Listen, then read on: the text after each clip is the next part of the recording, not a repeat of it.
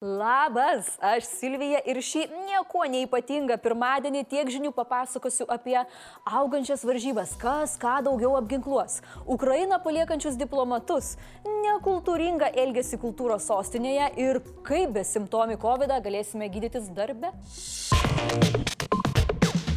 Kadangi Rusija prie Ukrainos sienos dislokavo apie 100 tūkstančių karių ir visokios karinės technikos, o mano va štai menamas laikrodis rodo be 5 minučių karą, NATO privalo kažkaip reaguoti.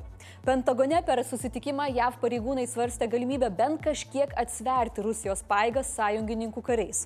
Preliminarus planas į NATO rytinę šalis atsiųsti nuo 1 iki 5 tūkstančių karių. Bet yra tikimybė, kad skaičius išauks net 10 kartų. Nelaukdami, kol JAV karių batai palies Marijo žemę, mūsų politikai patys juos kviečiasi. Seimo nacionalinio saugumo ir gynybos bei užsienio reikalų komitetų vadovai laišku kreipėsi į JAV politikus prašydami papildomos karinės paramos. Sustiprinti rytinį flangą paprašė ir Estijos premjerė Kaja Kalas, sakydama, kad Rusijos ir Ukrainos situacija jai primena mokyklą. Nu taip ir pasakė. Pasak premjerės, jei patiri patyčias, tai peštukai prie tavęs nelenda, kai turi stipresnį draugą. O Rusija labiausiai atgraso JAV vėliavą. Mūsų užsienio reikalų ministras, kuris įsitikinęs, kad tikras karas yra tikėtinas scenarius, mano, jog yra kitas efektyvesnis atgrasimo būdas - sankcijos. Tačiau yra išlyga. Tos sankcijos turi būti neformalios, o realios ir tokios nepakeliamos, kad jų nepakeltų net Židrūnas Savickas. Pasak Landsbergio, reikia apsispręsti, ar norime atgrasyti Rusiją nuo karo. Jei norime, tada reikia baisių sankcijų. O jei nenorime, tada tinka Ukrainos rėmimas ginklais, ką jau ir taip darome. Tiesa, nepaisant JAV planų atsiųsti daugiau karių, kitos NATO narės jau reaguoja. Danija į Baltijos jūrą siunčia karo laivą, o į Lietuvą atsiūs keturis naikintuvus F-16. Ispanija siunčia laivų, kurie prisijungs prie NATO karinių laivyno pajėgų. Nuo balandžio Niderlandai į Bulgariją siunčia du naikintuvus F-35, kurie sustiprins NATO oro patruliavimo misiją regione. Taip pat planuojama laivų ir kariais prisidėti prie NATO greitojo reagavimo pajėgų. Rudoji meška, žinoma, jau žada atsaką į NATO veiksmus. Kitaip tariant, mokyklos peštukas yra nepatenkintas, kad auka turi vyresnį brolį ir dėl tokio nesažiningo elgesio bus priverstas padidinti patyčių mastą. Rodos karinėme konflikte nori dalyvauti ir vanabi diktatorius Bulvių pilna galva. Netikras prezidentas Lukašenka ilgai žiūrėjęs į suaugusių reikalus, nori pasitraukti nuo saldaus stalo ir būti tikras vyras. Todėl pagrasino, kad prie Ukrainos sienos sutelks visą kariuomenę, atseit dėl apsaugos. O ir Rusijos pajėgų kiekis Baltarusijoje stebina. Krašto apsaugos ministras sako, kad... Tai tos pajėgos, kurios dabar siunčiamos į Baltarusiją, yra 3-4 kartus didesnės. Taigi, viena pusė žvangina ginklais, o kita per nešiojimą kolonėlę leidžia žvangančių ginklų įrašą. Neseniai pasakojom, kaip savo darbus Ukrainoje palieka Rusijos diplomatai. Atėjo laikas ir kitiems kostiumuotiems paukščiukams skristi į namus. Pranešta, kad ją valstybės departamentas įsakė iš ambasados Kieve išvykti savo diplomatų šeimos nariams. Teigiama, jog grįžti gali ir nepagrindinės funkcijas ambasadoje atliekantis personalas, tačiau jiems taip nėra privaloma. Apie sprendimą buvo galvojama jau kurį laiką. Tuo tarpu Ukrainos užsienio reikalų ministerijos atstovas Olehas Nikolenka sprendimą sprendimą vadina skubotu. Ministerija gerbė valstybių teisę užtikrinti savo diplomatinių misijų saugumą, tačiau tokį amerikiečių žingsnį laiko perdėtų atsargumu. Karo grėsmė gali paliesti ir amerikiečių gyvenimus. JAV piliečiams nerekomenduojama vykti į Ukrainą, mat konflikto atveju Vašingtonas gali neturėti galimybės jų evakuoti. Vienas JAV departamento pareigūnas taip pat paragino Ukrainoje esančius amerikiečius apsvarstyti galimybę kuo greičiau išvykti. Dėl tos pačios problemos JAV rekomenduoja susilaikyti ir nuo nebūtinų kelionių į Rusiją.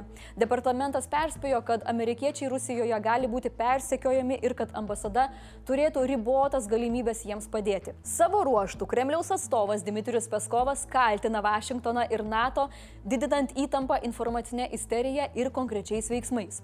Bei pridūrė, kad Ukrainos karių puolimo prieš Maskvos vadovaujamus ir remiamus separatistus rizika yra labai didelė.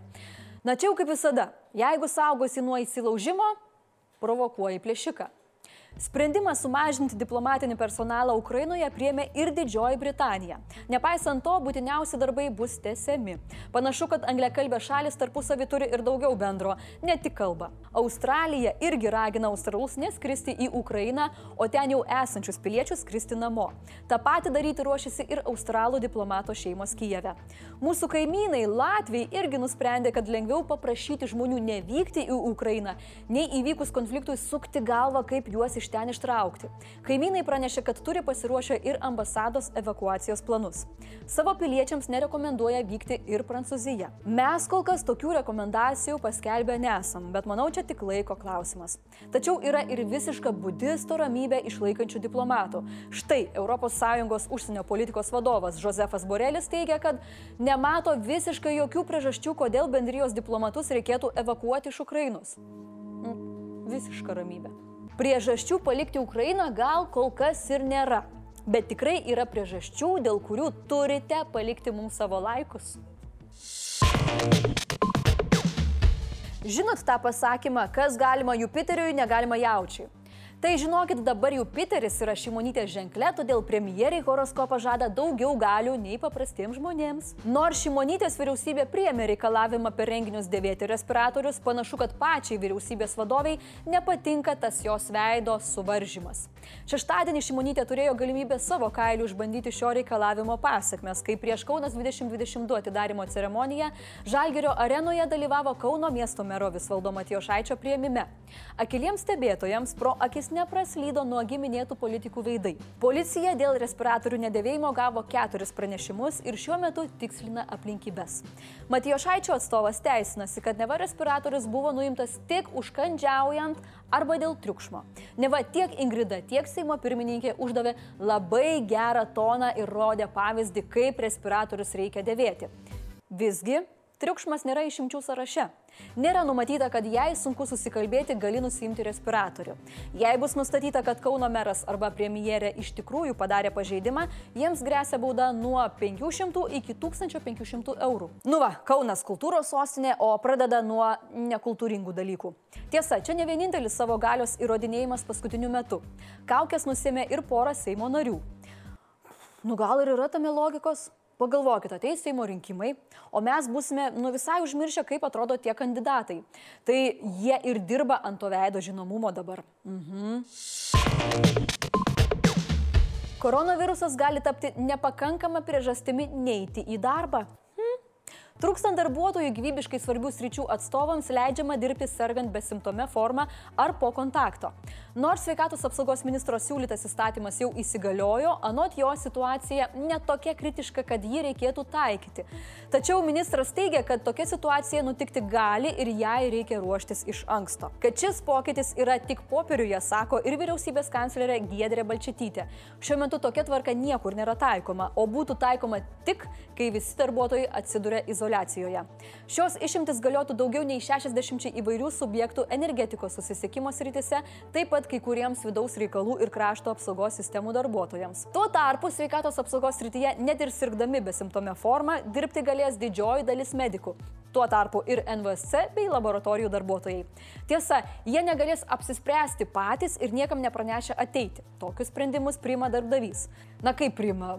Jis galės jūsų paprašyti. O jeigu sutiksit, galėsit besimptomį COVID gydytis darbę? Tačiau gal tos baisios kritinės situacijos ir išvengsime. Pasaulio sveikatos organizacija teigia, kad atsiradus labiau plintačiam omikron variantui, pandemija perėjo į naują fazę ir galbūt artėja prie pabaigos Europoje. Iki kovo atmaina gali paveikti apie 60 procentų europiečių. O tai reiškia, jog bent kažkiek laiko turėtų laikytis visuotinis imunitetas. Kažkas jį gaus persirgę, o kažkas imunitetą turi ir turės po vakcinacijos. Tikimasi, kad laukia ramybės laikotarpis bent jau iki metų metų galo, o net ir tada pandemija nebūtinai sugrįž. Tik skubėti dar anksti, nes ką jau ką, bet stebinti šis virusas tikrai moka. Tai sukryžiuojam pirštus, prieš tai juos gerai nusiplovę, tvirčiau užsidedam respiratorius ir laukiam. Blitz naujienos. Sekmadienį Šilutėje pradingusi 32 metų moteris rasta ir pristatyta į gydymo įstaigą. Moterį pastebėjo vietinis gyventojas.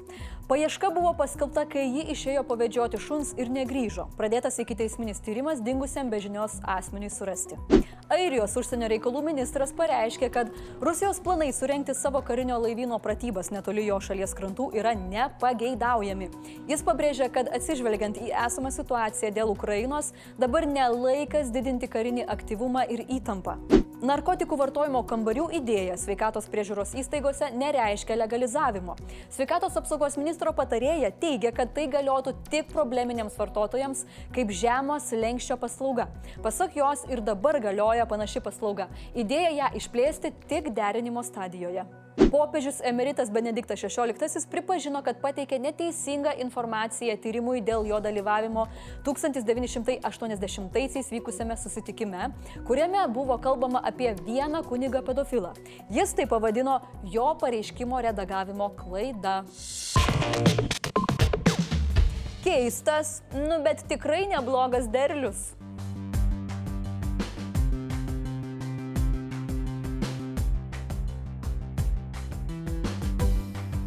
Mėlyjeji, linkiu geros savaitės pradžios, gero pirmadienio vakaro ir tiek žinių.